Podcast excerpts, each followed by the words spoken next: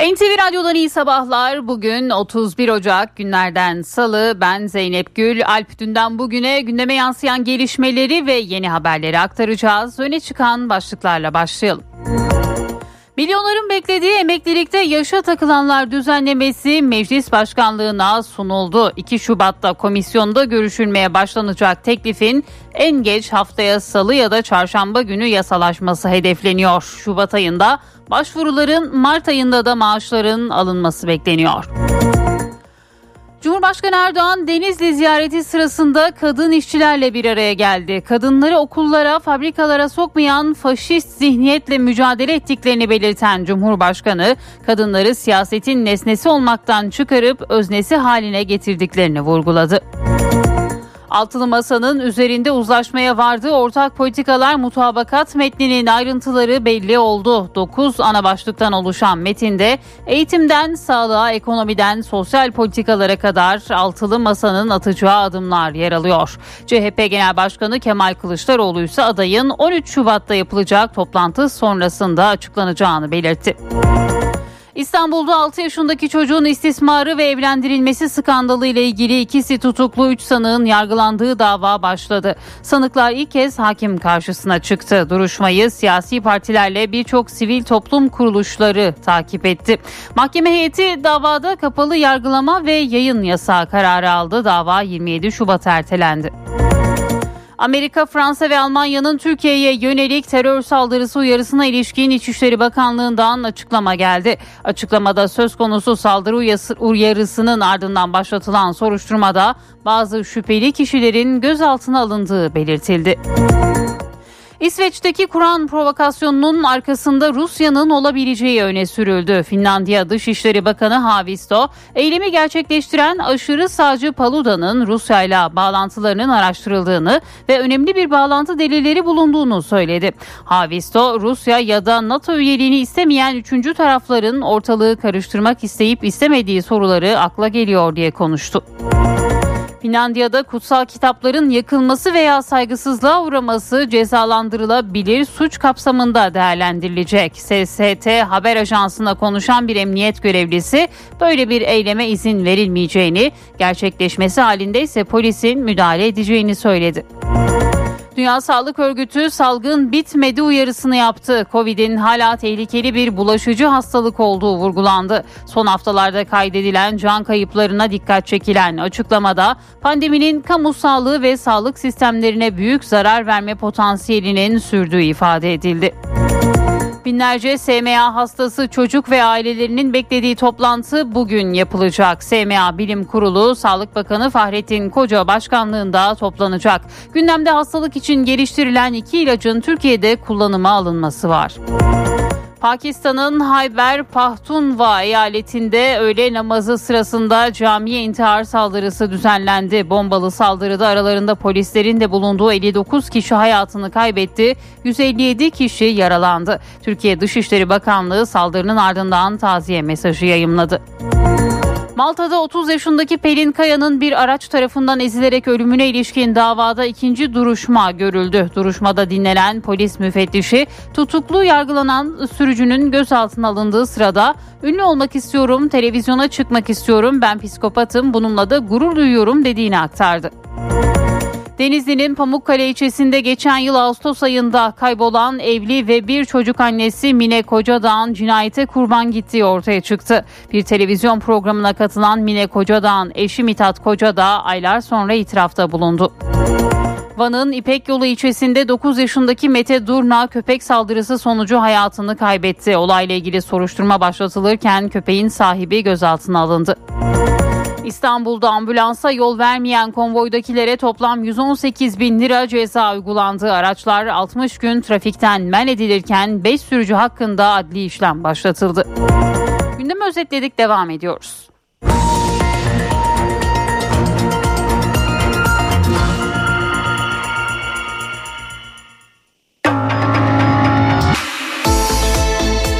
İşe giderken gazetelerin gündemi.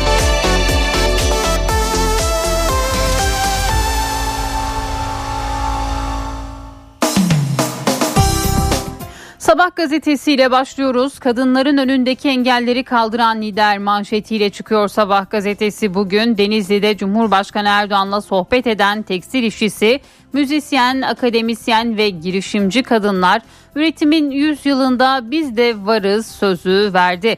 Cumhurbaşkanı Erdoğan Denizli'de emekçi kadınlarla buluştu. Cumhuriyet tarihinde kadınlarımızın hak ve özgürlüklerini en iyi kullanabildikleri, iş dünyasında varlıklarını gösterdikleri dönem bizim dönemimiz. Türkiye 100 yılını birlikte inşa edeceğiz diyor Cumhurbaşkanı.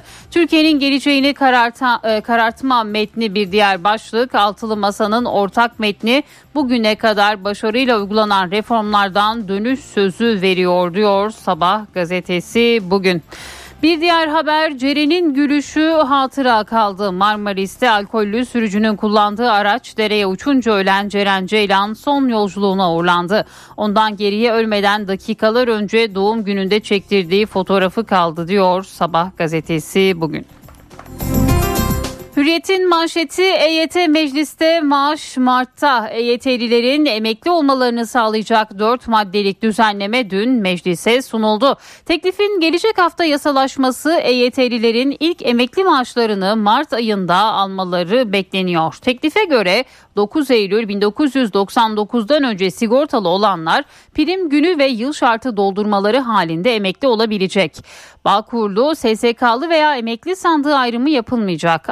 Askerlik, doğum gibi borçlanmayla sigorta girişini 9 Eylül 99 öncesine çekebilenler de bu haktan yararlanabilecekler. İster kamuda ister özel sektörde hiçbir EYT'li emekli olmaya zorlanamayacak diyor Hürriyet gazetesi bugün. Altılı Masa'dan 2300 vaat bir diğer başlık Altılı Masa'yı oluşturan partilerin seçim beyannamesi niteliğindeki ortak politikalar mutabakat metni dün Ankara'da kamuoyuna açıklandı. Metinde 2300'den fazla hedef yer aldı. Cumhurbaşkanı 7 yıllığına ve sadece bir kez seçilecek. Cumhurbaşkanlığı Çankaya Köşkü'ne taşınacak. Devlet okullarındaki öğrencilere ücretsiz süt ve öğle yemeği verilecek. Zorunlu eğitim 13 yıl olacak. Kalıcı yaz saatine son verilecek. Atatürk Havalimanı yeniden açılacak. Kanal İstanbul projesi iptal edilecek deniliyor. Bugün Altılı Masa'nın ortak muta, e, politikalar mutabakat metninin bir kısmı Hürriyet gazetesinin ilk sayfasında yer buluyor. Utanç davasına yayın yasağı Hiranur Vakfı'nın kurucusu Yusuf Ziya Gümüşel, eşi Fatıma Gümüşel'le 6 yaşındaki kızlarını evlendirdikleri Kadir İstekli'nin yargılanmalarına başlandı. Aile Bakanlığı Türkiye Barolar Birliği 40 ilin barosuyla kademden temsilciler de davaya katıldı. Duruşma salonu dar gelince mahkeme konferans salonuna alındı. Mahkeme heyeti duruşmanın kapalı olarak devam etmesine yayın yasağı getirilmesine karar verdi. Kararın ardından duruşma salonu boşaltıldı. Bu başlıkta yine bugün Hürriyet gazetesinin ilk sayfasındaydı. Milliyetin manşeti de EYT. EYT teklifi sonunda mecliste Şubat'ta başvuru Mart'ta maaş e, başlığı atılıyor bugün Milliyet'e. Maden faciasında boşalt talimatı patlamadan sonra bir diğer haber.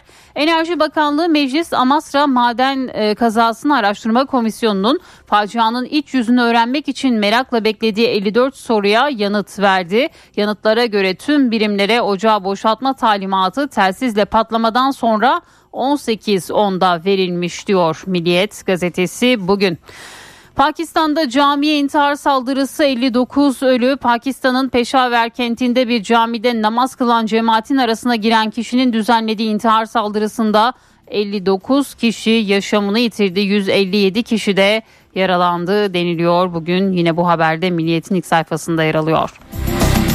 Yeni Şafak'ın manşeti elektrik ve gazda indirim sürecek başlığı Enerji ve Tabi Kaynaklar Bakanı Fatih Dönmez Albayrak Medya'nın düzenlediği Enerjide Türkiye Yüzyılı zirvesinde elektrik ve gaz fiyatları ile ilgili indirim sinyali verdi. Sanayinin kullandığı doğalgazda %13-16 indirim yapıldı. Elektrikte büyük sanayi kuruluşlarımızın maliyetlerinde %15'e kadar düşüş olacak.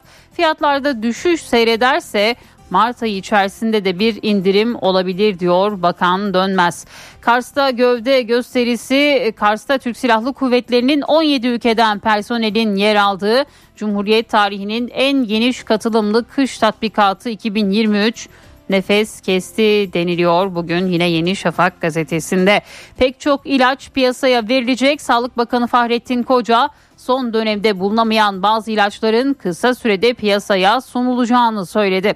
Koca temininde zorluk yaşanan bazı ilaçların üretimi artırıldı.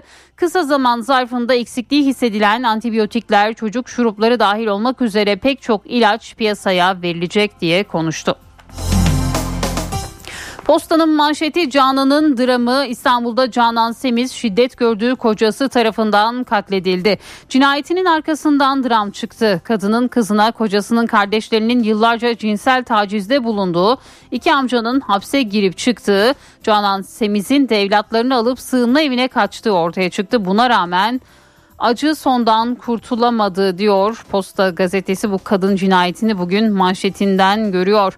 Köpeğin saldırdığı Mete kurtarılamadı. Vantuşba'da dün akşam 4. sınıf öğrencisi Mete Durna sokakta arkadaşlarıyla top oynarken bir köpeğin saldırısına uğradı. Yardıma koşan çevredekiler köpeği uzaklaştırdı. Boğazından ağır yaralanan Mete Durna kaldırıldığı hastanede hayatını kaybetti. Köpeği 5 gün önce sahiplendiği ileri sürülen HK gözaltına alındı. Köpek barınağa götürüldü. Yine bu haberde bugün postadaydı. Cumhuriyet'in manşeti yarının Türkiye'si 6 muhalefet partisinin hazırladığı sağlıktan eğitime yargıdan dış politikaya 9 başlıkta 2000'in üzerinde maddenin yer aldığı Millet İttifakı'nın ortak mutabakat metni açıklandı. 6 lider tarafından imzalanan metin için milletimize karşı ortak taahhütümüzdür denildi. Masanın 13 Şubat'ta belirleyeceği Cumhurbaşkanı adayının bu programa uygun hareket edeceği vurgulandı. Genel Başkan yardımcıları partilerinin alfabetik sırayla çalışmalarını anlattı ve laikliğe dair madde konulmadı. Bu da Cumhuriyet gazetesinin manşetinde yer aldı. Milyonlar açlık sınırında yine Cumhuriyet'ten bir diğer başlık. Ocak 2023'te 4 kişilik bir ailenin açlık sınırı 8864 lira oldu. Bu rakam 8 milyon asgari ücretlinin henüz cebine girmeyen 8500 liralık maaşı 357 lira aştı diyor Cumhuriyet gazetesi. EYT prim şartıyla meclise sunuldu yine Cumhuriyet'in bir diğer haberi. Milyonların beklediği 4 maddelik EYT düzenlemesinde prim koşulu olması tepki çekti. İktidarın aylardır oyalaması nedeniyle maaş kaybı yaşayacağı belirt e, yaşanacağı belirtildi deniliyor. Yine bu başlıkta Cumhuriyet Gazetesi'nin ilk sayfasında yer alıyor. Bugün şimdi bir ara vereceğiz. Birazdan haberlerin ayrıntılarını aktaracağız.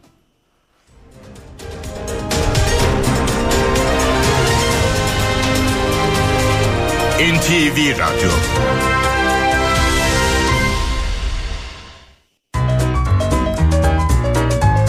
Köşedeki Kitapçı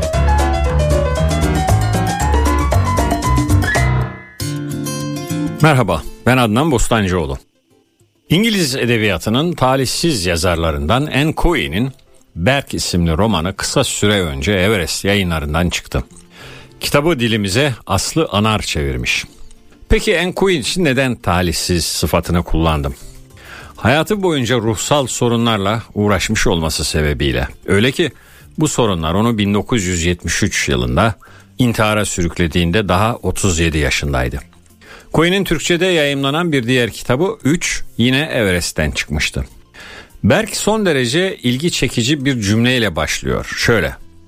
Adını Grep olarak değiştiren Berk diye bir adam babasını öldürme niyetiyle bir sahil kasabasına geldi.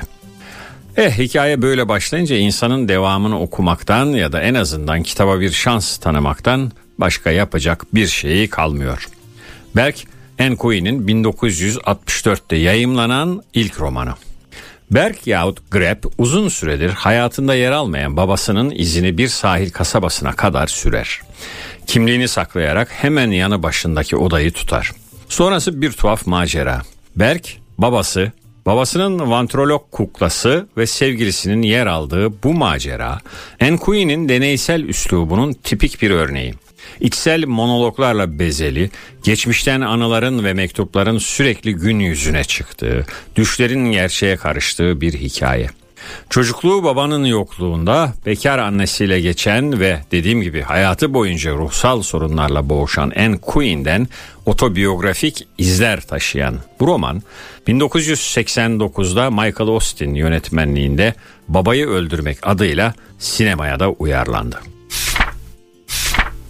Deniz Uzunoğlu'nun Barbarossa, Rönesans Korsanları isimli romanı İnkılap Kitabevi'nden yayımlandı. Deniz Uzunoğlu Rönesans'ın çalkantılı tarihi üzerine kurguladığı romanında 15. yüzyılda bir kadının aşkı uğruna Akdeniz'de kılıç kılıca gelen iki çocukluk arkadaşının hikayesini kaleme alıyor. Bir yanda küçük bir ticaret teknesiyle hayata başlayan ve Osmanlı kaptanı deryalığına yükselen Hızır Reis ya da daha bilinen adıyla Barbaros Hayrettin, diğer yanda Birleşik Haçlı Donanması Baş Amirali Andrea Doria. Dönem batıda İspanyol monarkların, doğuda Yavuz Sultan Selim ve Kanuni Sultan Süleyman'ın iktidarda olduğu, Senjan şövalyelerin Akdeniz'de yüreklere korku saldığı bir dönem. Aynı zamanda Leonardo da Vinci, Christoph Kolomb, Piri Reis, Machiavelli gibi şahsiyetlerin yeni ufuklar açtığı insanlığın bilimde ve sanatta yeniden doğuşu. İşte tam da bu dönemde yaşananları detaylarıyla öğrenmek isteyen William Shakespeare İspanya'ya gelir. Ona bütün hikayeyi anlatansa İnebahtı'da Türklere karşı savaşırken bir kolunu kaybeden, 5 yılını Cezayir zindanlarında esir olarak geçiren, vatanına döndükten sonra ise ünlü romanı Don Quixote'u kaleme alan Miguel Cervantes'tir. Herkese iyi okumalar, hoşçakalın. Köşedeki Kitapçı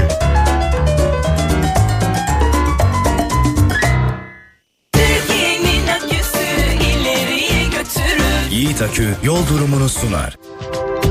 Karayolları Genel Müdürlüğü duyurdu. Toprakkale İskenderun otoyolunun Payas İskenderun kavşakları 3-6. kilometrelerinde ve Ankara Çankırı yolunun 15-17. kilometrelerinde yol bakım çalışmaları var. Çalışmalar sebebiyle ulaşım kontrollü olarak sağlanıyor. Bu nedenle sürücüler dikkatli seyretmeli. Yiğit Akü yol durumunu sundu daha sürdürülebilir bir çatı ve daha iyi bir dünya için Bras Çatı Sistemleri sunar. Doğa konuşmaları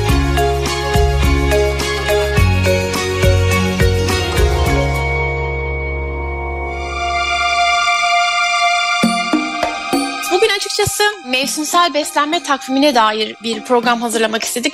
O yüzden konuğumuz Gözde Özbey, Buğday Derneği Medya ve İletişim Sorumlusu. Hoş geldiniz Gözde Hanım. Hoş buldum, merhabalar.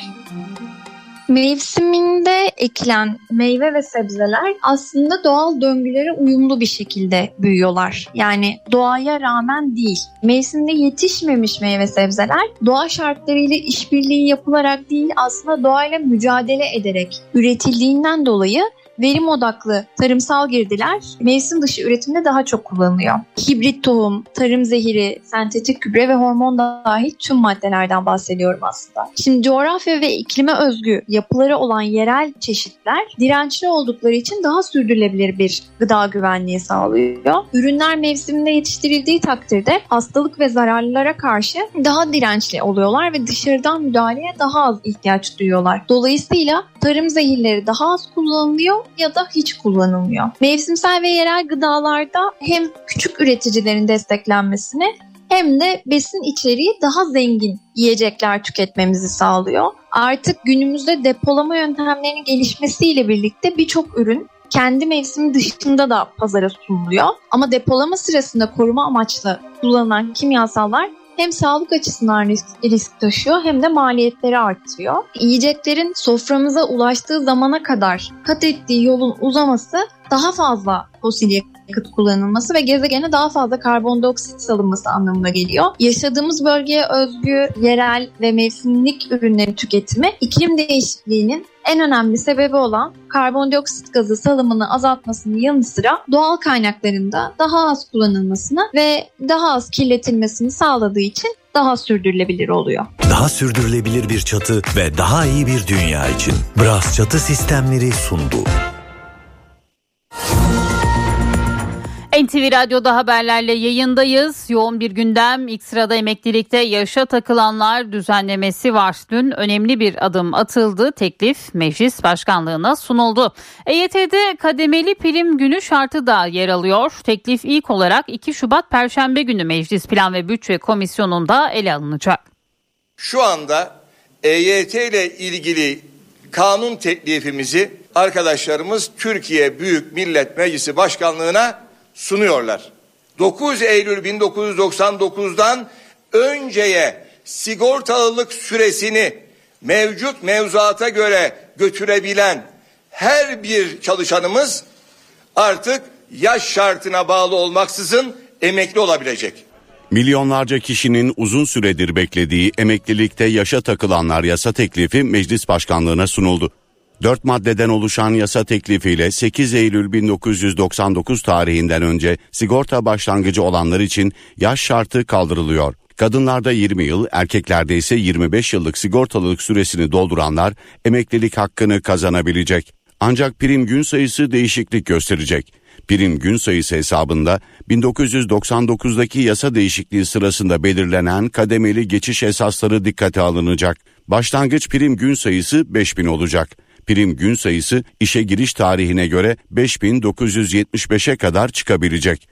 Bağkur ve emekli sandığında ise prim gün şartı kadınlarda 7200, erkeklerde 9000. Resmi gazetede yayınlandığında yürürlüğe girecek. Bu hafta Plan Bütçe Komisyonu'nda bu EYT ile ilgili kanun teklifimizi görüşmeyi planlıyoruz. En geç haftaya salı günü veya çarşamba günü EYT'nin genel kuruldan da yasalaşmasını takvim olarak öngörüyoruz. Emekli olup 10 gün içinde aynı iş yerinde işine devam eden emekliler için %5 sigorta teşviki uygulanacak. Taşerondan işçi kadrosuna geçenler için zorunlu emeklilik kaldırılacak. İlk EYT aylığının Mart ayında ödenmesi bekleniyor. Mart itibariyle Şubat'ta başvuran bütün emeklilerin Mart'ta maaşlarını alabilme imkanları söz konusudur. Bazı sosyal medyada vesaire geçen EYT'liler daha az mı maaş alacak vesaire bu tamamen gerçek dışıdır. Cumhurbaşkanının açıklamalarıyla devam edelim. Cumhurbaşkanı Erdoğan Denizli ziyareti sırasında kadın işçilerle bir araya geldi. Kadınları okullara, fabrikalara sokmayan faşist zihniyetle mücadele ettiklerini söyledi. Kadınları siyasetin nesnesi olmaktan çıkarıp öznesi haline getirdiklerini de vurguladı. Bir dönem kadınlarımızı kimi zaman kıyafetini, kimi zaman çocuğunu bahane ederek bırakın yönetim organlarına, okullara, fabrikalara sokmamaya çalışan faşist bir zihniyetle mücadele ettik. Üstelik bu ilkelliklerini çağdaşlık kılıfı altında satmaya çalışıyorlardı. Verdiğimiz büyük mücadele neticesinde tüm bu engelleri, ön yargıları, yanlış kabulleri birer birer geride bıraktık. Ülkemizi kadına şiddet ayıbından kurtarmak için çalışırken aynı zamanda eğitimden istihdama her alanda kadınlarımıza pozitif ayrımcılık uygulama politikaları da hayata geçirdik. Kadınları siyasetin nesnesi olmaktan çıkardık, öznesi haline getirdik. Bizimle mücadeleye girecek olan iki defa düşünmesi lazım. Çünkü kendi hayatımızdan biliyoruz ki kadının gücünün ve fendinin galip gelemeyeceği mücadele yoktur. Türkiye yüzyılı hepimizin ortak hayalini, ortak geleceğini ifade ediyor. Bunun için Türkiye yüzyılının siyasi değil, milli bir proje olduğunu, milli bir vizyon olduğunu söylüyoruz.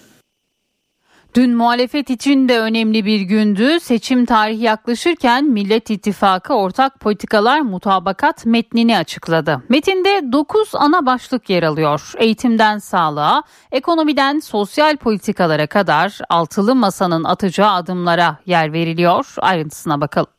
Millet İttifakı yol haritası olarak da tanımlanan ortak politikalar mutabakat metnini açıkladı. Altılı masayı oluşturan siyasi partilerin genel başkanları seçim beyannamesi niteliğindeki metni de törende imzaladı. 9 ana başlıktan oluşan metinde 2300 vaat yer alıyor. Millet İttifakı etkin ve katılımcı yasama, istikrarlı, şeffaf, hesap verir yürütmeye bağımsız ve tarafsız yargı diyor.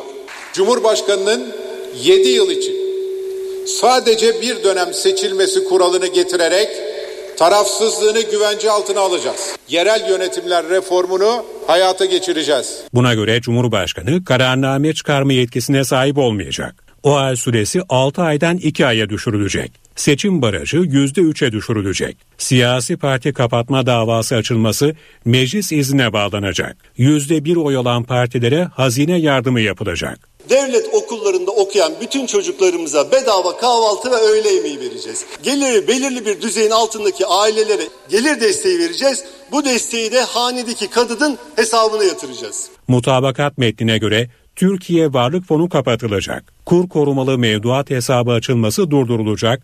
Mevcut hesaplar vade sonunda kapatılacak. Merkez Bankası'nın İstanbul'daki birimleri yeniden Ankara'ya getirilecek. Çalışanlar üzerindeki vergi ve sigorta prim yükü indirilecek. İlk kez konut alımında harç alınmayacak. Eğitim hizmetinden alınan KDV indirilecek. Ayrıca tarımda kullanılan mazotta ÖTV kaldırılacak. Esnafın salgında kullandığı kredilerin faizleriyle Bağkur ve vergi borcu faizleri silinecek. Metne göre zorunlu eğitimde 1 artı 5 artı 4 artı 3 şeklinde uygulanacak. Liseye geçiş sınavı da kaldırılacak. Bu arada adaylıkla ilgili de muhalefet kanadından bir açıklama geldi. CHP Genel Başkanı Kemal Kılıçdaroğlu adayın 13 Şubat'ta yapılacak toplantı sonrasında açıklanacağını belirtti. CHP liderine altılı masanın ortak adayı olursanız seçim kazanabilir misiniz sorusu da yöneltildi. Kılıçdaroğlu kazanılabilir tabii bütün anketler bunu gösteriyor zaten diye yanıt verdi. Dün Türkiye'nin yakından takip ettiği bir davada duruşma günüydü. İstanbul'da 6 yaşındaki çocuğun istismarı ve evlendirilmesi skandalı ile ilgili ikisi tutuklu 3 sanığın yargılandığı dava başladı. Sanıklar ilk kez hakim karşısına çıktı. Duruşmayı siyasi partilerle birçok sivil toplum kuruluşu da takip etti. Mahkeme heyeti davada kapalı yargılama ve yayın yasağı kararı aldı. 6 yaşındaki çocuğun istismarı ve evlendirilmesi skandalı ile ilgili davanın görülmesine İstanbul'da başlandı. Tutuklu sanıklar Hiranur Vakfı kurucusu Baba Yusuf Ziya Gümüşel ve Kadir İstekli Anadolu 2. Ağır Ceza Mahkemesi'nde ilk kez hakim karşısına çıktı. Mağdursa duruşmaya sesli ve görüntülü sistemle bağlandı. Mahkeme heyeti davada kapalı yargılama ve yayın yasağı kararı aldı. Aile ve Sosyal Hizmetler Bakanlığı dışındaki tüm baroların davaya katılma talepleri reddedildi. Davayı siyasi partilerin temsilcileri, İstanbul Barosu Kadın ve Çocuk Hakları merkezleriyle çeşitli sivil toplum kuruluşları takip etti. Adliye bahçesinde basın açıklamaları yapıldı. Birlikte, birlikte güçlü. Hiranur Vakfı'ndan olduğu belirtilen bir grup da sanıklara destek için adliyeye geldi. Yusuf Ziya Gümüşel ve Kadir İstekli 15 Aralık'ta tutuklanmıştı. İddialar hakkında neler söyleyeceksiniz? Baba Yusuf Ziya Gümüşel 6 yaşındaki kızı HKG'yi 29 yaşındaki Kadir İstekli ile dini nikahla evlendirmek, çocuğun nitelikli cinsel istismarına iştirakla suçlanıyor. Savcılık tutuksuz yargılanan anne Fatıma Gümüşel'e de aynı suçlamayı yöneltti. Baba ve anne Gümüşel hakkında 22'şer yıl 6 ay hapis cezası istedi. Nitelikli cinsel saldırı, çocuğun nitelikli cinsel istismarı ile suçlanan Kadir İstekli hakkında istenen hapis cezası ise 67 yıl 10 ay 15 gün. Soruşturma, Hiranur Vakfı'nın kurucusu Yusuf Ziya Gümüşel'in kızı HKG'nin şikayeti üzerine başlatılmıştı. HKG, babasının kendisini 6 yaşında imam nikahıyla evlendirdiği ve cinsel istismara maruz kaldığı iddiasıyla savcılığa başvurmuştu. HKG evlendirildiği dönemdeki fotoğraflarını, kendisine cinsel istismar uygulayan kişinin ses kaydını ve kemik yaşının tespitinde yapılan sahteciliğin belgelerini de savcılığa sunmuştu. Dava 27 Şubat'a ertelendi. NTV Radyo Sağlık başlığıyla devam edelim. Dünya Sağlık Örgütü Cuma günü toplanmıştı. Salgın devam edecek mi, sona erdi mi ya da acil durum ilanından vazgeçilecek mi diye bekleniyordu. O açıklama pazartesi gününe kalmıştı. Dün de o beklenen açıklama yapıldı ve Dünya Sağlık Örgütü pandemi bitmedi dedi. Açıklamada koronavirüsün son iki ayda 172 bin kişinin ölümüne neden olduğu belirtildi. Peki süreç bundan sonra nasıl ilerleyecek? Nelere dikkat edilmeli? Dünya Sağlık Örgütü sözcüsü Margaret Ann Harris NTV'ye anlattı. We would not be saying end of COVID. Maalesef birçok toplumda Covid'in bittiği şeklinde bir algı var. Oysa son iki ayda 172 bin kişi hayatını kaybetti. Covid hala bizimle birlikte. Özellikle yaşlıların tehdit altında olduğunu unutmamamız gerekiyor. Aşılar konusundaki tavsiyemiz ihtiyacı olan herkesin birincil kürünü alması. Özellikle risk grubundakiler, 60 yaş üstü insanlar, kronik hastalıkları olanlar ve sağlık çalışanlarının düzenli olarak güçlendirici doz almaları gerekiyor. Bu durum değişmeyecek. Hatırlatıcı dozlarda nüfusa göre değerlendirilecek. Ve maske. Maske sadece COVID-19 ile değil, influenza, bronşit gibi birçok hastalık ve solunum virüsüyle mücadelede büyük önem taşıyor. Maskeler sizi tüm bunlardan koruyacaktır. Hayatımızı yakından etkileyen bir başka unsur hava kirliliği. Uzmanlar hava kirliliğinin birçok hastalığın kaynağı olduğunu söylüyor. İstanbul için ise durum gitgide kötüleşiyor. Geçen yıl hava kirliliği bir önceki yıla göre %9 arttı. Kirliliğin en fazla ölçüldüğü bölge ise Göztepe oldu. Peki bu hava kirliliği neden kaynaklanıyor? Nasıl önlemler almak gerekiyor? Uzmanlara sorduk. 2022'de hava kirliliği bir önceki yıla göre %9 arttı. İstanbul Büyükşehir Belediyesi hava kalite ölçüm istasyonlarının verilerine göre kente hava kirliliğinin en fazla ölçüldüğü yer Göztepe oldu. Göztepe'yi sırasıyla Sultan Gazi ve Esenyurt takip etti. İstanbul'da bu alanda en temiz alanlarsa Kandilli, Büyükada ve Şile'de. 2022 yılı ülkemiz olarak baktığımız zaman daha çok yüksek basınç hakim olduğunu görüyoruz. Yağış, rüzgar az oluyor. Hava kirliliği de artabiliyor. Göztepe'yi düşündüğünüz zaman E5 yolu tem geçiyor ve o iki yolda da bilhassa akşam saatlerinde gerçekten orada trafik durma noktasına kadar yaklaşabiliyor. İki, bölgenin topografyası. Eğer bulunduğunuz yer biraz vadi yapısında ise orada yeterince rüzgar oluşamıyorsa, girdap oluşamıyor ise hava kirliliği yani araçlardan çıkan kirletici dağılamayabiliyor. Dünya Sağlık Örgütü'ne göre hava kirliliğinin yol açtığı sağlık sorunları dünya genelinde her yıl 7 milyon insanın erken ölümüne neden oluyor. Özellikle zaten hasta olan, astımı olan, bronşiti olan, kalp yetersizliği olan, alerjisi olan insanlarda var olan hastalıklarının daha da kötüleşmesine, hastaneye yatış oranlarının artmasına sebep olabilir. Hava kirliliği yoğun olduğu bölgede yaşayan insanların ilaç kullanıyorlarsa ilaçların düzenli kullanmaları, dışarı çıkmak zorunda kalacaklarsa maske kullanmaları en azından buradaki kimyasal partiküllerin bu maskeler e, sayesinde solunum yollarına gitmesi engellenebilir. Hava durumundan haberler vermeye devam edelim. Başkentlilerin uzun süredir beklediği kar yağışı başladı. Yağışla birlikte başkent beyaza büründü. Ankara'da dün akşam saatlerinde başlayan kar yağışı özellikle kentin yüksek kesimlerinde etkili oluyor. Yağış nedeniyle kentte birçok yerde beyaza bürünmüş durumda. Belediye ekipleri kar yağışının ulaşımı olumsuz etkilememesi için ana güzergahlarla ara sokaklarda tuzlama çalışması yapıyor. Başkentte kar yağışının aralıklarla hafta sonuna kadar da sürmesi bekleniyor ve muhtemelen karın tadını yine çocuklar çıkarıyor. Şimdi de gökyüzüne yolculukla ilgili bir haberi aktaralım. NASA Ay'a göndereceği Artemis uzay aracı için astronot seçimine başladı. Seçilecek astronotlar Neil Armstrong'dan 50 yıl sonra Ay'a yeniden ayak basacak. Peki kim olacak o astronotlar? Yanıtı NTV Washington temsilcisi Hüseyin Günay'da. Şimdi NASA 50 yıldan sonra Ay'a ayak basmak için astronot gönderecek.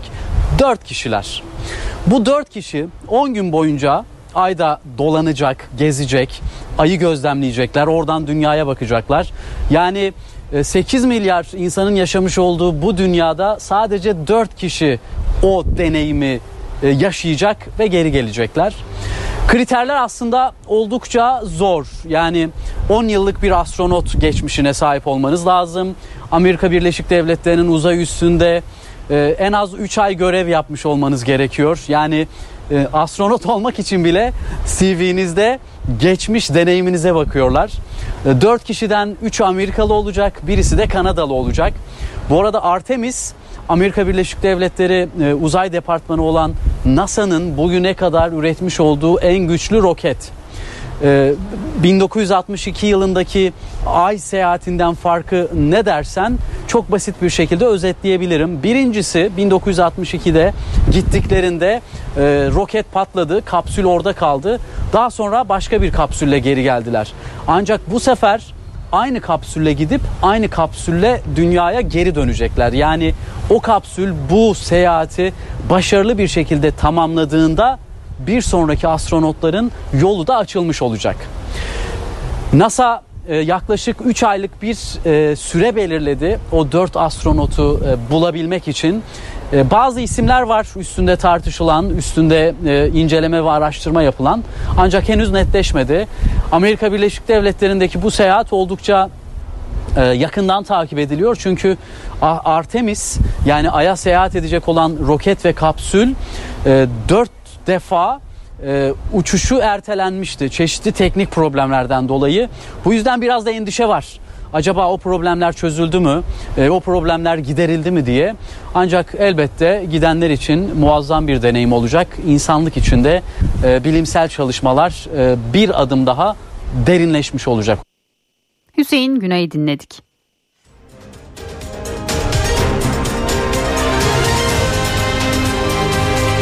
NTV Radyo HDI Sigorta İstanbul'un yol durumunu sunar. HDI Sigorta İstanbul'da bu saat itibarıyla trafikte yoğunluk %46 seviyelerinde. Her iki köprüde de yoğunluk başladı. Anadolu yakasında köprüye giderken Beylerbeyi Libadiye bağlantı yolu arasında Tem'de ise Kavacık Çakmak Köprü arasında sabah trafiği var. D100'de koşu yolu Küçük Yalı arası yoğun. Avrasya Tüneli çift taraflı açık. Avrupa yakasına gelindiğinde E5'te Avcılar Küçükçekmece. Tem'de ise Bahçeşehir Altınşehir arasında bir yoğunluk var. HDI Sigorta İstanbul'un yol durumunu sundu. HDI Sigorta.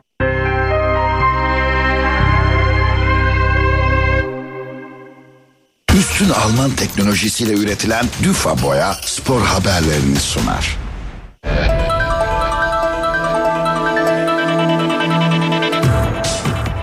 Süper Lig lideri Galatasaray kış transferindeki ilk hamlesini yaptı. Kaan Ayhan'ı satın alma opsiyonuyla sezon sonuna kadar Sassuolo'dan kiralayan Sarı Kırmızılar 28 yaşındaki savunmacının bonservisini sezon sonunda 2 milyon 800 bin euroya alabilecek.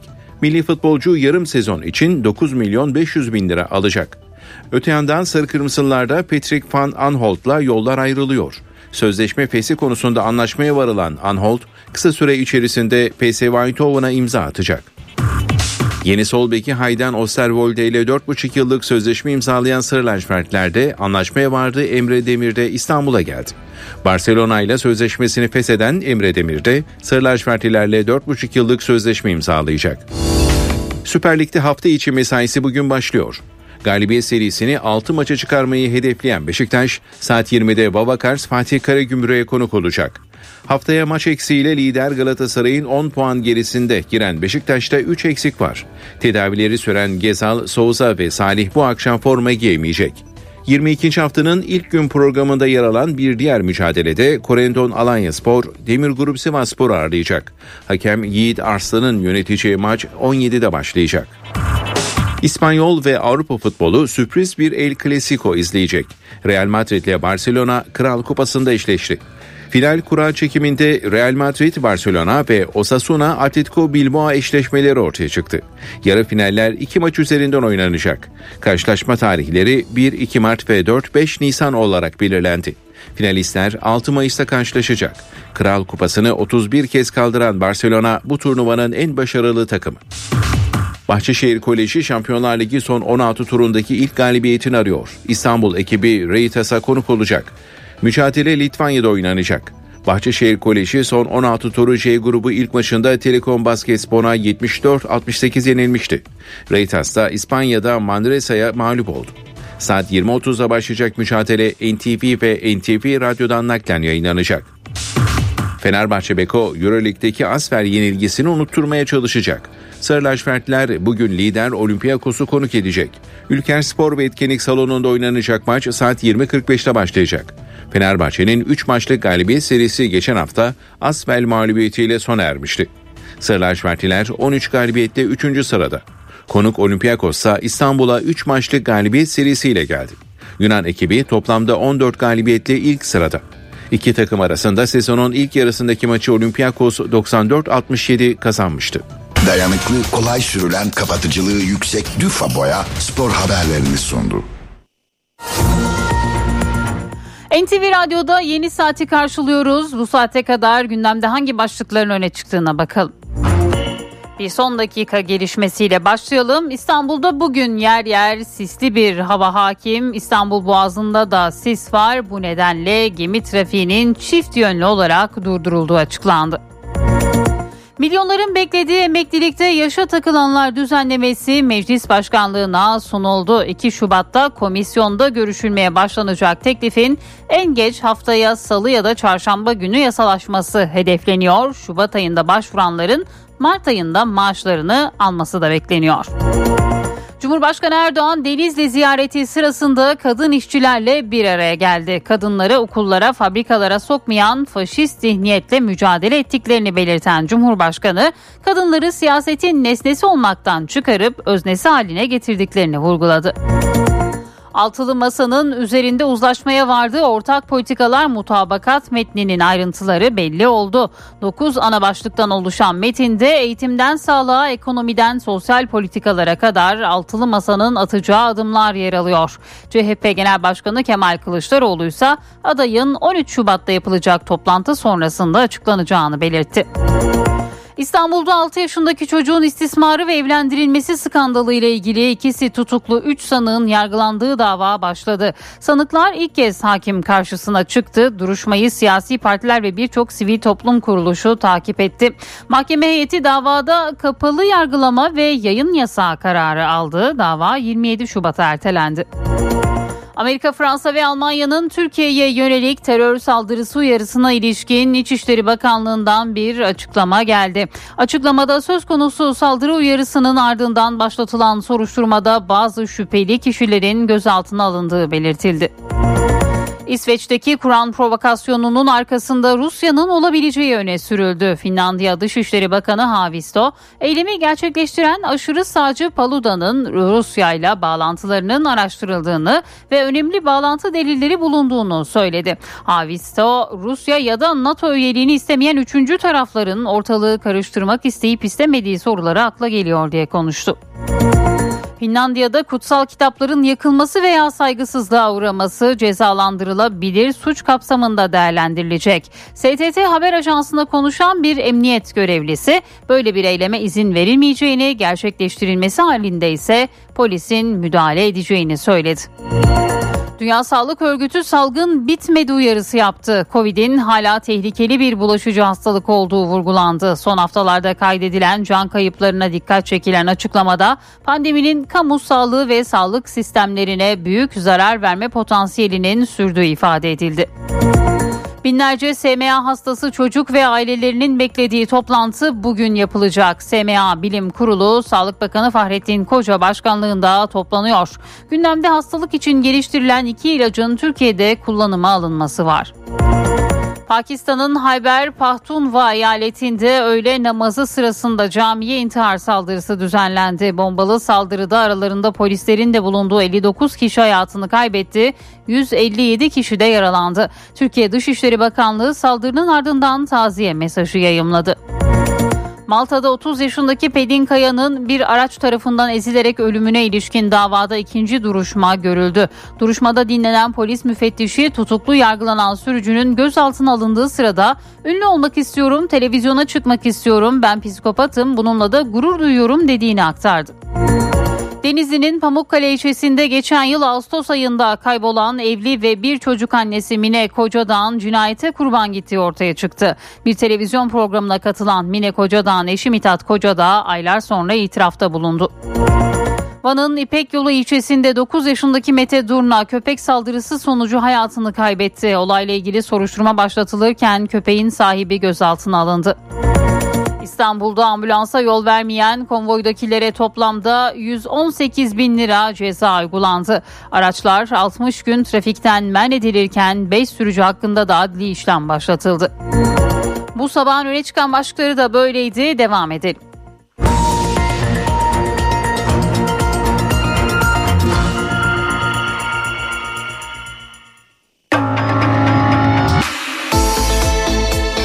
İşe giderken gazetelerin gündemi.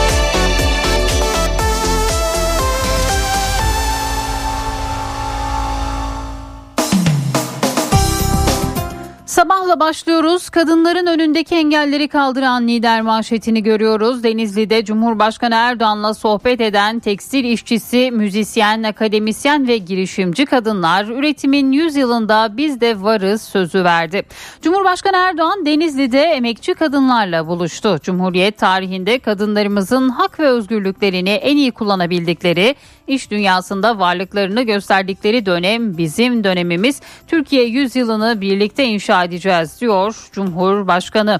Türkiye'nin geleceğini karartma metni bir diğer başlık. Altılı Masa'nın ortak metni bugüne kadar başarıyla uygulanan reformlardan dönüş sözü veriyor diyor Sabah gazetesi bugün. Hürriyet'in manşetinde EYT mecliste maaş Mart'ta başlığını görüyoruz. EYT'lilerin emekli olmalarını sağlayacak 4 maddelik düzenleme dün meclise sunuldu. Teklifin gelecek hafta yasalaşması EYT'lilerin ilk emekli maaşlarını Mart ayında almaları bekleniyor. Teklife göre 9 Eylül 99'dan önce sigortalı olanlar prim günü ve yıl şartı doldurmaları halinde emekli olabilecek. Bağkurlu, SSK'lı veya emekli sandığı ayrımı yapılmayacak. Askerlik, doğum gibi borçlanmayla sigorta girişini 9 Eylül 99 öncesine çekebilenler de bu haktan yararlanabilecek. İster kamuda ister özel sektörde hiçbir EYT'li emekli olmaya zorlanmayacak diyor Hürriyet gazetesi. Altılı Masa'dan 2300 vaat bir diğer haber. Altılı Masa'yı oluşturan partilerin seçim beyannamesi niteliğindeki ortak politikalar mutabakat metni dün Ankara'da kamuoyuna açıklandı. Metinde 2300'den fazla hedef yer aldı. Cumhurbaşkanı 7 yıllığına ve sadece bir kez seçilecek. Cumhurbaşkanlığı Çankaya Köşkü'ne taşınacak. Devlet okullarındaki öğrencilere ücretsiz süt ve öğle yemeği verilecek. Zorunlu eğitim 13 yıl olacak. Kalıcı yaz saatine son verilecek. Atatürk Havalimanı yeniden açılacak ve Kanal İstanbul projesi iptal edilecek deniliyor Hürriyet gazetesinde bugün. Utanç davasına yayın yasağı Hiranur Vakfı'nın kurucusu Yusuf Ziya Gümüşel, eşi Fatıma Gümüşel'le 6 yaşındaki kızlarını evlendirdikleri Kadir İstekli'nin yargılanmasına başlandı. Aile Bakanlığı Türkiye Barolar Birliği 40 ilin barosuyla kademden temsilciler de davaya katıldı. Duruşma salonu dar gelince mahkeme konferans salonuna alındı. Mahkeme heyeti duruşmanın kapalı olarak devam etmesine, yayın yasağı getirilmesine karar verdi. Kararın ardından da duruşma salonu boşaltıldı deniliyor bugün Hürriyet'te. Milliyetin manşeti de EYT. EYT teklifi sonunda mecliste Şubat'ta başvuru Mart'ta maaş başlığını görüyoruz. Maden faciasında boşalt talimatı patlamadan sonra.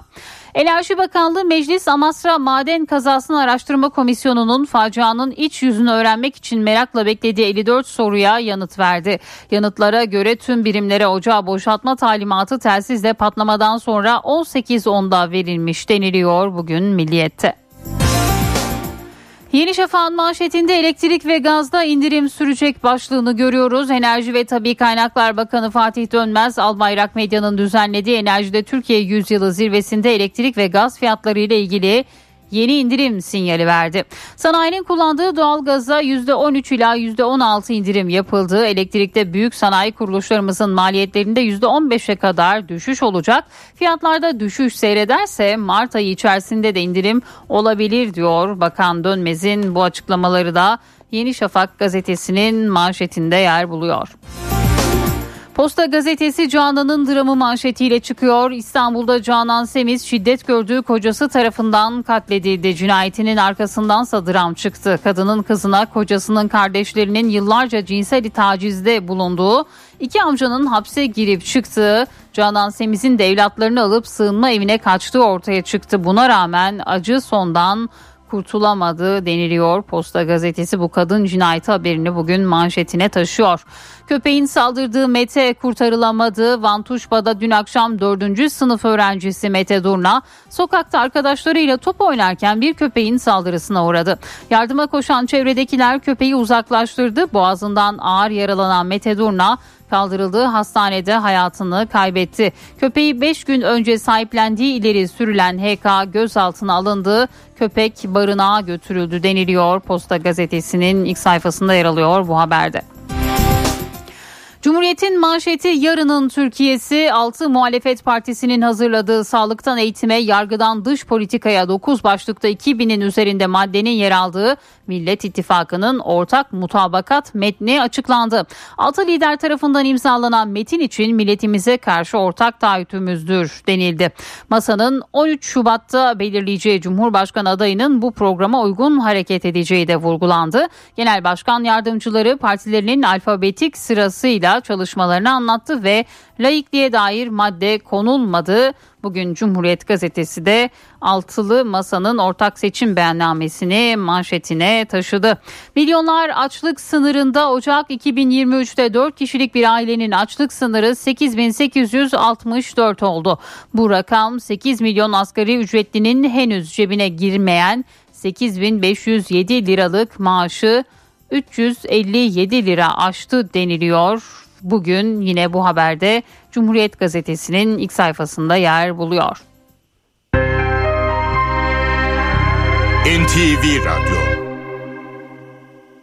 Akustik taş yünü asma tavan sistemleri Tromer sunar. Profesör Murat Ferman'la evdeki hesap. Günaydın Sayın Ferman, mikrofon sizde.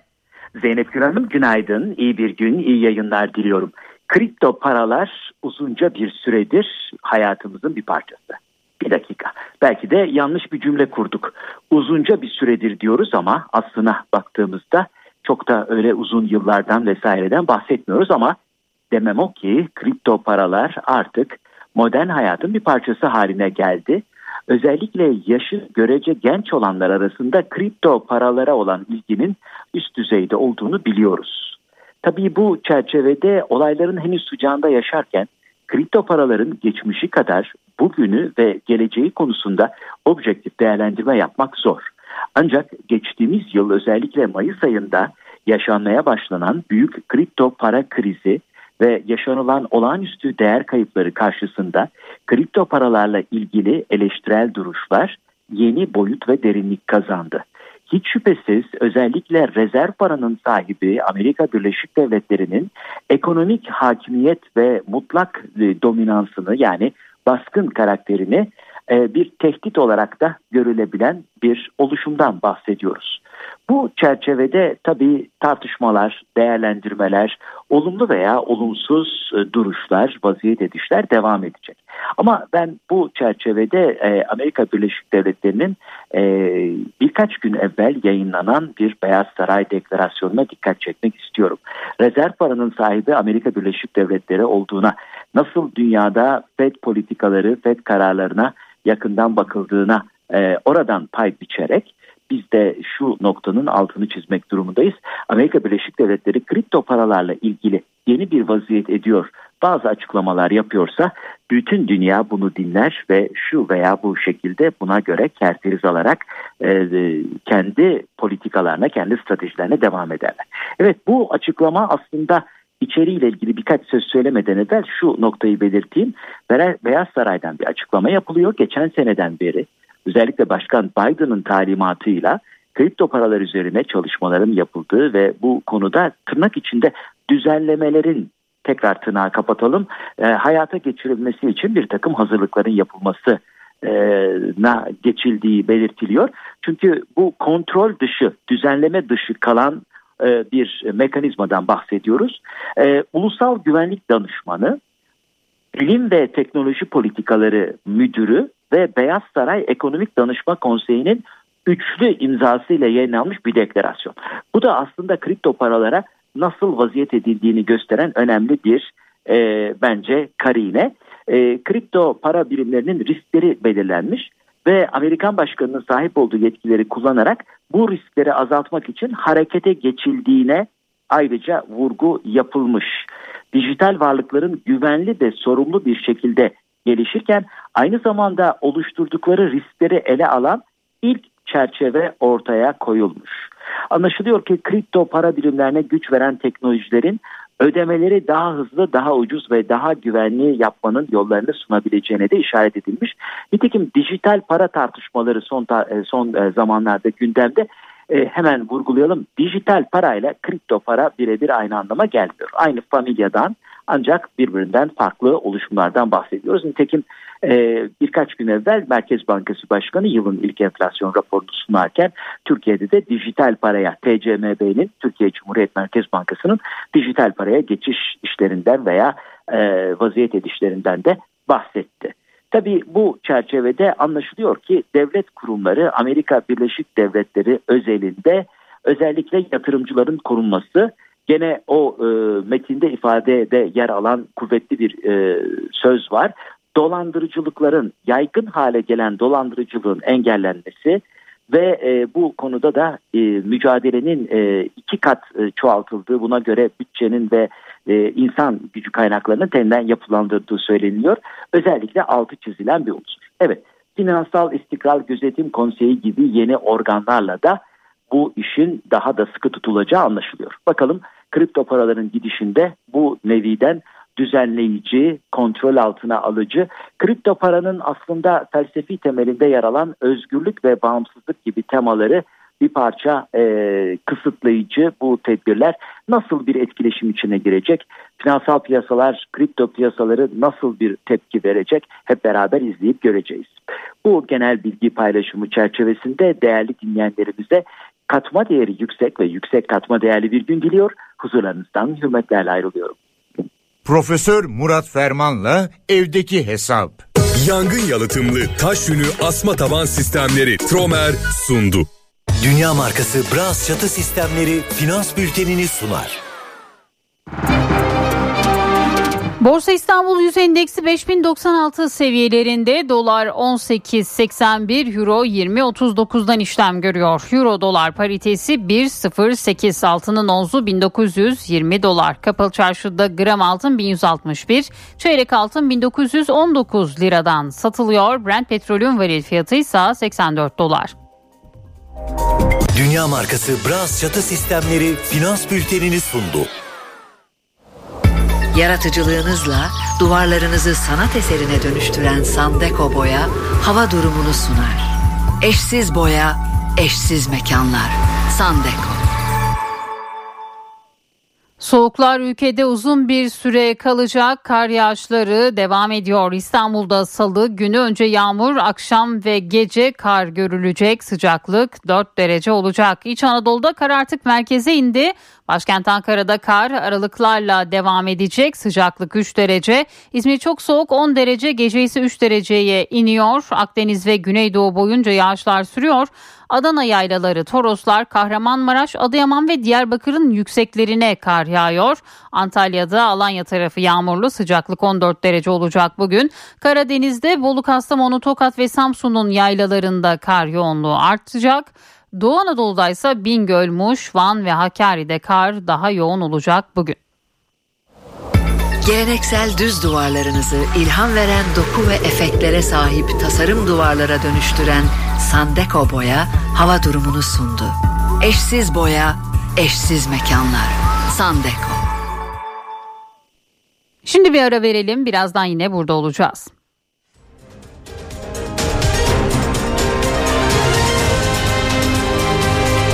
NTV Radyo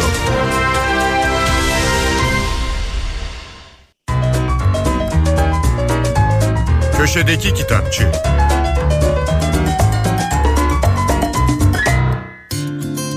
Merhaba, ben Adnan Bostancıoğlu. Alfa Yayınları Kaan Ökten'in Ölüm Kitabı isimli çalışmasının gözden geçirilmiş ve genişletilmiş yeni bir baskısını yaptı. Kitabın alt başlığı Ölüm Düşüncesinin Temel Metinleri. Kaan Ökten Mimar Sinan Güzel Sanatlar Üniversitesi Felsefe Bölümünde öğretim üyesi. Varlık ve ölüm felsefesi üzerine çalışan Ökten'in özellikle Parmenides, Aristoteles, Kant ve Heidegger'in varlık anlayışları hakkında çok sayıda telif ve çeviri kitap ile makalesi var. Malum ölüm kutsal kitapların, edebiyatın ve felsefenin en önemli konularından biri. Niçin? Çünkü hayatın bu kaçınılmaz fenomeni gizemli ve bir anlamda da korkutucu. Bir defa geliyor başa. Yani bir kez daha deneyimlenemiyor. Yine de söz gelimi Montaigne'in işaret ettiği gibi bütün dertlerin bittiği yere gideceğiz diye dertlenmek ne budalalık. Kitaba gelelim. Kaan Ökten Ölüm Kitabı başlıklı seçkisinde geniş çaplı bir kültür evreninden ölümle ilgili temel metinleri bir araya getiriyor. Eski Mısır metinlerinden Homeros'a, İbn Sina'dan Yunus Emre'ye, Descartes'tan Kierkegaard'a, Heidegger'e, Camus'e, Nermi Uygur'a geniş bir yelpazedeki metinler yer alıyor kitapta. Deniz Uzunoğlu'nun Barbarossa, Rönesans Korsanları isimli romanı İnkılap Kitabevi'nden yayımlandı. Deniz Uzunoğlu Rönesans'ın çalkantılı tarihi üzerine kurguladığı romanında 15. yüzyılda bir kadının aşkı uğruna Akdeniz'de kılıç kılıca gelen iki çocukluk arkadaşının hikayesini kaleme alıyor. Bir yanda küçük bir ticaret teknesiyle hayata başlayan ve Osmanlı kaptanı deryalığına yükselen Hızır Reis ya da daha bilinen adıyla Barbaros Hayrettin, diğer yanda Birleşik Haçlı Donanması Baş Amirali Andrea Doria. Dönem batıda İspanyol monarkların, doğuda Yavuz Sultan Selim ve Kanuni Sultan Süleyman'ın iktidarda olduğu, Senjan şövalyelerin Akdeniz'de yüreklere korku saldığı bir dönem. Aynı zamanda Leonardo da Vinci, Christoph Kolomb, Piri Reis, Machiavelli gibi şahsiyetlerin yeni ufuklar açtığı insanlığın bilimde ve sanatta yeniden doğuşu. İşte tam da bu dönemde yaşananları detaylarıyla öğrenmek isteyen William Shakespeare İspanya'ya gelir. Ona bütün hikayeyi anlatansa İnebahtı'da Türklere karşı savaşırken bir kolunu kaybeden, 5 yılını Cezayir zindanlarında esir olarak geçiren, vatanına döndükten sonra ise ünlü romanı Don Quixote'u kaleme alan Miguel Cervantes'tir. Herkese iyi okumalar, hoşçakalın. Köşedeki Kitapçı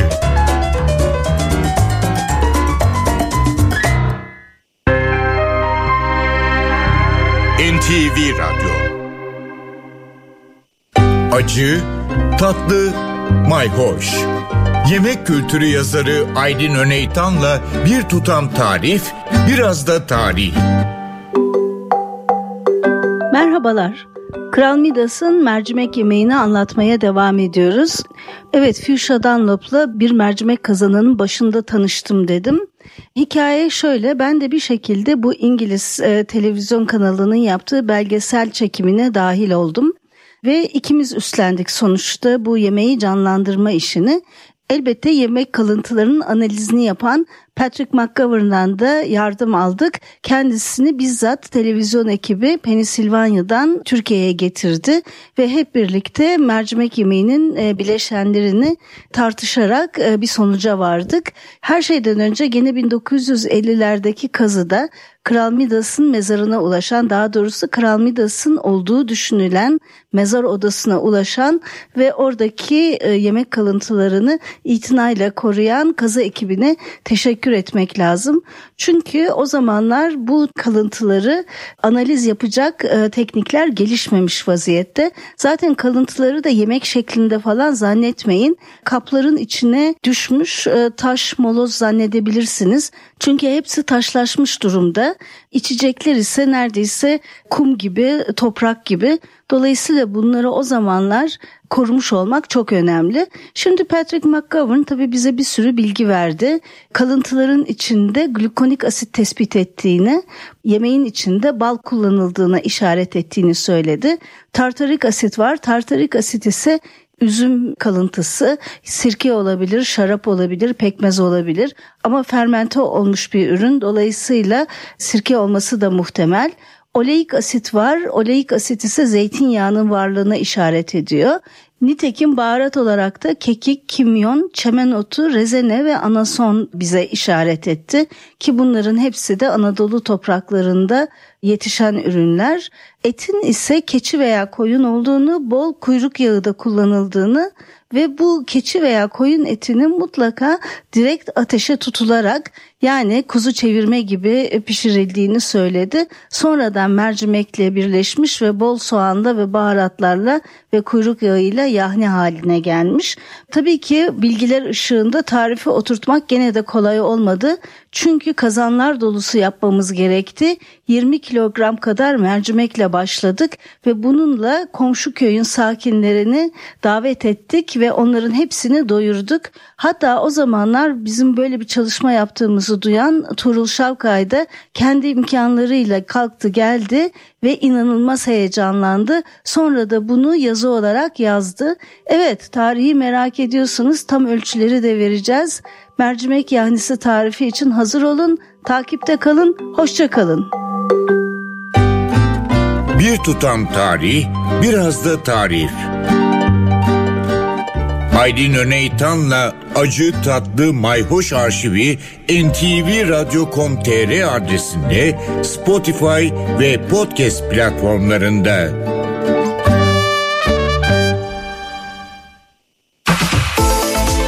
NTV Radyo, Türkiye'nin haber radyosu.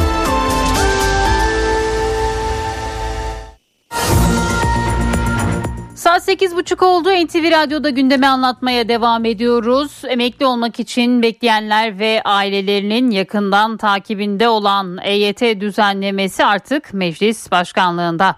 8 Eylül 99 tarihinden önce sigorta başlangıcı olanlar için yaş şartı tamamen kaldırılıyor. Kadınlarda 20, erkeklerde 25 yıl sigortalılık süresinin yanı sıra 5000 prim gün sayısı da şartlar arasında teklif ilk olarak 2 Şubat Perşembe günü Meclis Plan ve Bütçe Komisyonu'nda ele alınacak. EYT ile ilgili kanun teklifimizi AK Parti ve Cumhur İttifakı olarak arkadaşlarımız Türkiye Büyük Millet Meclisi Başkanlığına sunuyorlar. Hayırlı olsun. Beklenen adım atıldı. Milyonlarca kişinin uzun süredir merak ettiği emeklilikte yaşa takılanlar yasa teklifi meclis başkanlığına sunuldu. 9 Eylül 1999'dan önceye sigortalılık süresini götürebilen her bir çalışanımız artık yaş şartına bağlı olmaksızın emekli olabilecek. 4 maddelik teklifle 8 Eylül 1999 tarihinden önce sigorta başlangıcı olanlar için yaş şartı kaldırılıyor. Kadınlarda 20 yıl, erkeklerde ise 25 yıl sigortalılık süresini dolduranlar emekli olabilecek. Resmi gazetede yayınlandığında yürürlüğe girecek. Bu hafta Plan Bütçe Komisyonu'nda bu EYT ile ilgili kanun teklifimizi görüşmeyi planlıyoruz. Başlangıç prim gün sayısı 5000 olacak. Prim gün sayısı işe giriş tarihine göre 5975'e kadar çıkabilecek. Bağkur ve emekli sandığında ise prim gün şartı kadınlarda 7200, erkeklerde ise 9000 olacak. SSK'lı olup da 25 kadınlarda 20 yıl erkeklerde 25 ve 5000 prim gün sayısını dolduranlar aynı zamanda Bağkur ve emekli sandığına tabi olanların da kadınlarda 7000 erkeklere 9000 prim gün sayısını dolduranlar e, kanun meclisten çıktıktan sonra resmi gazeteden yayınlandıktan sonra bu şartları yerine getiriyorlarsa emekli olacaklar. EYT düzenlemesinde yıpranma hakları ile ilgili bir detay şimdilik yok. Ancak borçlanmalarla eksik prim gün sayıları tamamlanabilecek. Erkekler askerlik borçlanması, kadınlar doğum borçlanması yapacak, yapabilecekler. Dolayısıyla eksik prim gün sayısını tamamlayacaklar. Erkekler bazı durumlarda askerlik borçlanmasını yapıp e, çalışma sigortalı girişini 8 Eylül 1999 öncesine çekebilecekler. Emekli olup 10 gün içinde aynı iş yerinde işine devam eden emekliler için %5 sigorta teşviği sağlanacak. En geç haftaya salı günü veya çarşamba günü EYT'nin genel kuruldan da yasalaşmasını takvim olarak öngörüyoruz. Taşerondan işçi kadrosuna geçenler için zorunlu emeklilik kaldırılacak. Şubat'ta başvuranlar ilk maaşlarını Mart ayında alacak. Şubat'ta başvuran bütün emeklilerin Mart'ta maaşlarını alabilme imkanları söz konusudur. Bazı sosyal medyada vesaire geçen EYT'liler daha az mı maaş alacak vesaire bu tamamen gerçek dışıdır. Dün Türkiye'nin yakından takip ettiği bir davada da duruşma günüydü. İstanbul'da 6 yaşındaki çocuğun istismarı ve evlendirilmesi skandalı ile ilgili ikisi tutuklu 3 sanığın yargılandığı dava başladı. Sanıklar ilk kez hakim karşısına çıktı. Duruşmayı siyasi partilerle birçok sivil toplum kuruluşu da takip etti. Mahkeme heyeti davada kapalı yargılama ve yayın yasağı kararı aldı. 6 yaşındaki çocuğun istismarı ve evlendirilmesi skandalı ile ilgili davanın görülmesine İstanbul'da başlandı. Tutuklu sanıklar Hiranur Vakfı kurucusu Baba Yusuf Ziya Gümüşel ve Kadir İstekli Anadolu 2. Ağır Ceza Mahkemesi'nde ilk kez hakim karşısına çıktı. Mağdursa duruşmaya sesli ve görüntülü sistemle bağlandı. Mahkeme heyeti davada kapalı yargılama ve yayın yasağı kararı aldı. Aile ve Sosyal Hizmetler Bakanlığı dışındaki tüm baroların davaya katılma talepleri reddedildi. Davayı siyasi partilerin temsilcileri, İstanbul Barosu Kadın ve Çocuk Hakları merkezleriyle çeşitli sivil toplum kuruluşları takip etti. Adliye bahçesinde basın açıklamaları yapıldı. Birlikte, birlikte güçlü. Hiranur Vakfı'ndan olduğu belirtilen bir grup da sanıklara destek için adliyeye geldi. Yusuf Ziya Gümüşel ve Kadir İstekli 15 Aralık'ta tutuklanmıştı. İddialar hakkında neler söyleyeceksiniz? Baba Yusuf Ziya Gümüşel 6 yaşındaki kızı HKG'yi 29 yaşındaki Kadir İstekli ile dini nikahla evlendirmek, çocuğun nitelikli cinsel istismarına iştirakla suçlanıyor. Savcılık tutuksuz yargılanan anne Fatıma Gümüşel'e de aynı suçlamayı yöneltti. Baba ve anne Gümüşel hakkında 22'şer yıl 6 ay hapis cezası istedi. Nitelikli cinsel saldırı, çocuğun nitelikli cinsel istismarı ile suçlanan Kadir İstekli hakkında istenen hapis cezası ise 67 yıl 10 ay 15 gün. Soruşturma, Hiranur Vakfı'nın kurucusu Yusuf Siyah Gümüşel'in kızı HKG'nin şikayeti üzerine başlatılmıştı. HKG, babasının kendisini 6 yaşında imam nikahıyla evlendirdiği ve cinsel istismara maruz kaldığı iddiasıyla savcılığa başvurmuştu.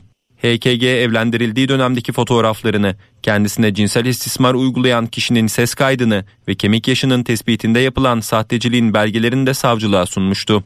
Dava 27 Şubat'a ertelendi. Ankara seçimleri hazırlanırken Millet İttifakı'nın yol haritası da belli oldu. Eğitimden sağlığa 9 ana başlığın yer aldığı metin dün altılı masa liderleri tarafından imzalandı ve kamuoyuyla paylaşıldı. Metinde 2300 vaat yer alıyor. Vaatler arasında Cumhurbaşkanı'nın 7 yıllığına ve sadece bir kez seçilmesi, Cumhurbaşkanlığının Çankaya Köşkü'ne taşınması, devlet okullarında öğrencilere ücretsiz süt ve öğle yemeği verilmesi ve zorunlu eğitimin 13 yıl olması gibi başlıklarda yer alıyor. Tabii bir taraftan da muhalefetin adayının kim olacağı merak ediliyor. Bunun için 13 Şubat tarihi ön plana çıkmıştı. CHP Genel Başkanı Kemal Kılıçdaroğlu bu tarihte adayın belirleneceğini ve sonrasında da açıklanacağını söylemişti. İyi Partisi İyi Parti sözcüsü Kürşat Zorlu'dan bir açıklama geldi. Altılı masadan çıkacak adayın parti yetkili kurullarında değerlendirileceğini söyledi ve 13 Şubat'ta aday çıkmasına yönelik bir bilgi bizde mevcut değil dedi. 13 Şubat'la ilgili son açıklanan e, altılı masa toplantısındaki bildiride bir e, toplantı gerçekleştirileceğine yönelik bir bilgi bizde mevcut. Ama adaylık açıklamasına yönelik bir bilgi mevcut değil. Onu söyleyeyim. 13 Şubat öncesinde e, liderler arasında bir görüşme trafiği olacak ve bizim en başından beri altını çizerek söylediğimiz bir husus var. Nihai adaylık tartışmasının isimler üzerinden masada olduğu e, bir aşamada biz mutlaka yetkili kurullarımızı toplayacağız. Bu e, değerlendirmemizin ardından da nihai olarak İyi Parti kararını ve tutumunu net bir şekilde ortaya koyacaktır. İsveç'te Kur'an-ı Kerim'e yönelik yapılan saldırı sonrasında ipler gerilmişti. NATO'ya üyelik konusunda Türkiye'den bir adım beklenmemesi Cumhurbaşkanı Erdoğan tarafından dile getirilmişti. Cumhurbaşkanı sonrasında da Finlandiya ile ilgili farklı bir mesaj verebiliriz. İsveç şok olacak diyerek İsveç ve Finlandiya'nın NATO üyelik sürecinin ayrı ayrı değerlendirilebileceği mesajını vermişti.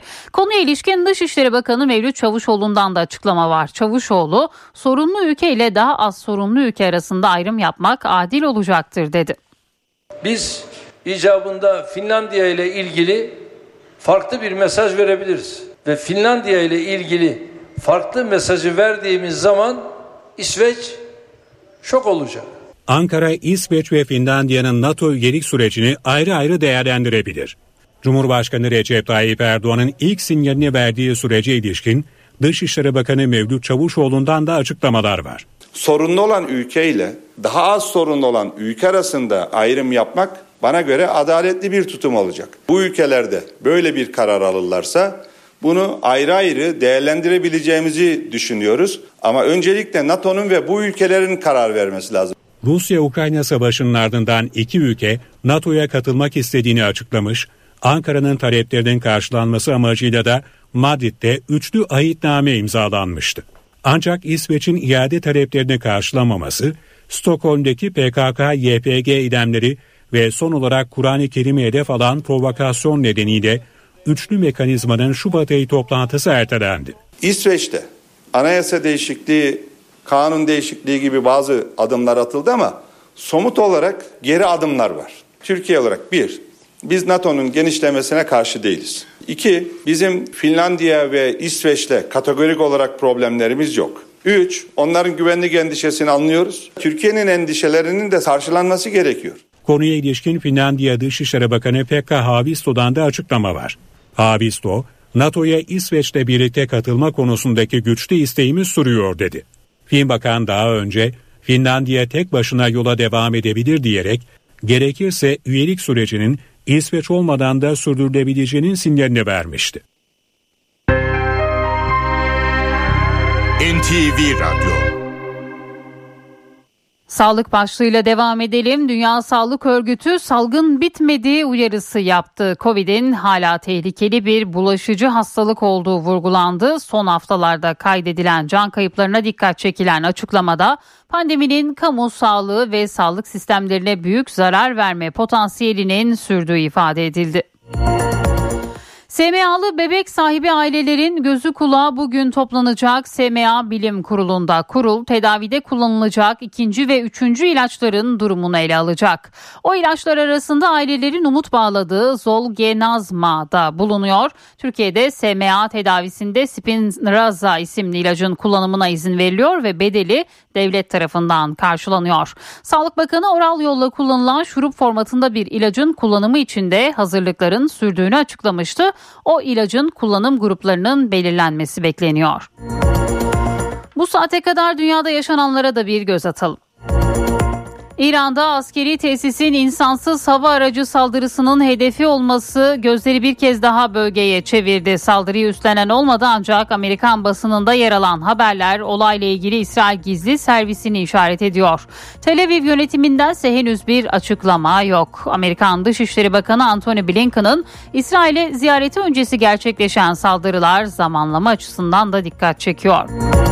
Ukrayna'dan batılı ülkelere silah temini çağrısı devam ediyor. Zelenski Rus saldırılarına karşı koymak için daha hızlı silah tedarikine ve yeni tip silahlara ihtiyaç duyduklarını söyledi. Almanya ise tank tedariğinde e, odaklı Alman Başbakan Olaf Scholz savaş uçağı göndermek gündemimizde yok diyor. Pakistan'ın Peşaver kentinde öğle namazı sırasında camiye intihar saldırısı düzenlendi. Bombalı saldırıda aralarında polislerin de bulunduğu 59 kişi hayatını kaybetti. 157 kişi de yaralandı. Türkiye Dışişleri Bakanlığı saldırının ardından taziye mesajı yayımladı. Belçika'nın başkenti Brüksel bıçaklı saldırıya sahne oldu. Saldırı oldukça yoğun olan Schumann istasyonunda gerçekleştirildi. Bir kişi metronun vagonunda 3 kişiyi bıçakla yaraladı. Ardından metro polisi tarafından gözaltına alındı.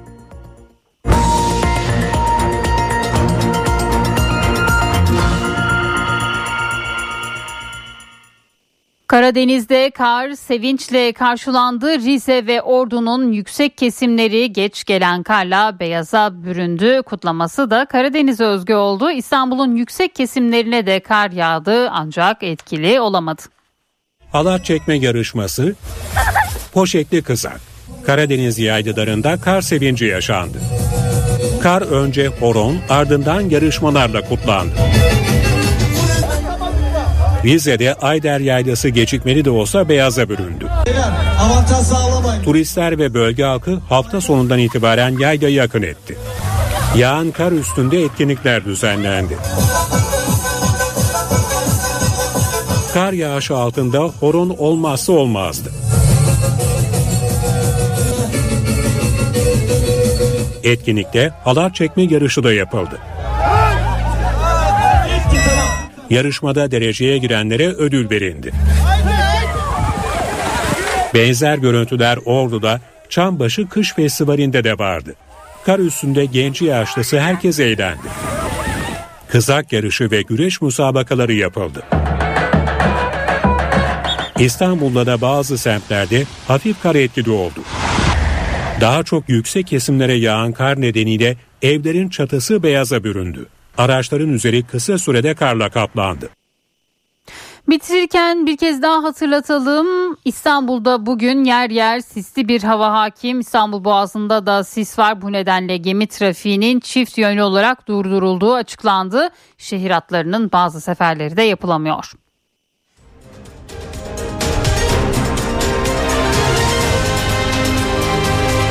NTV Radyo HDI Sigorta İstanbul'un yol durumunu sunar.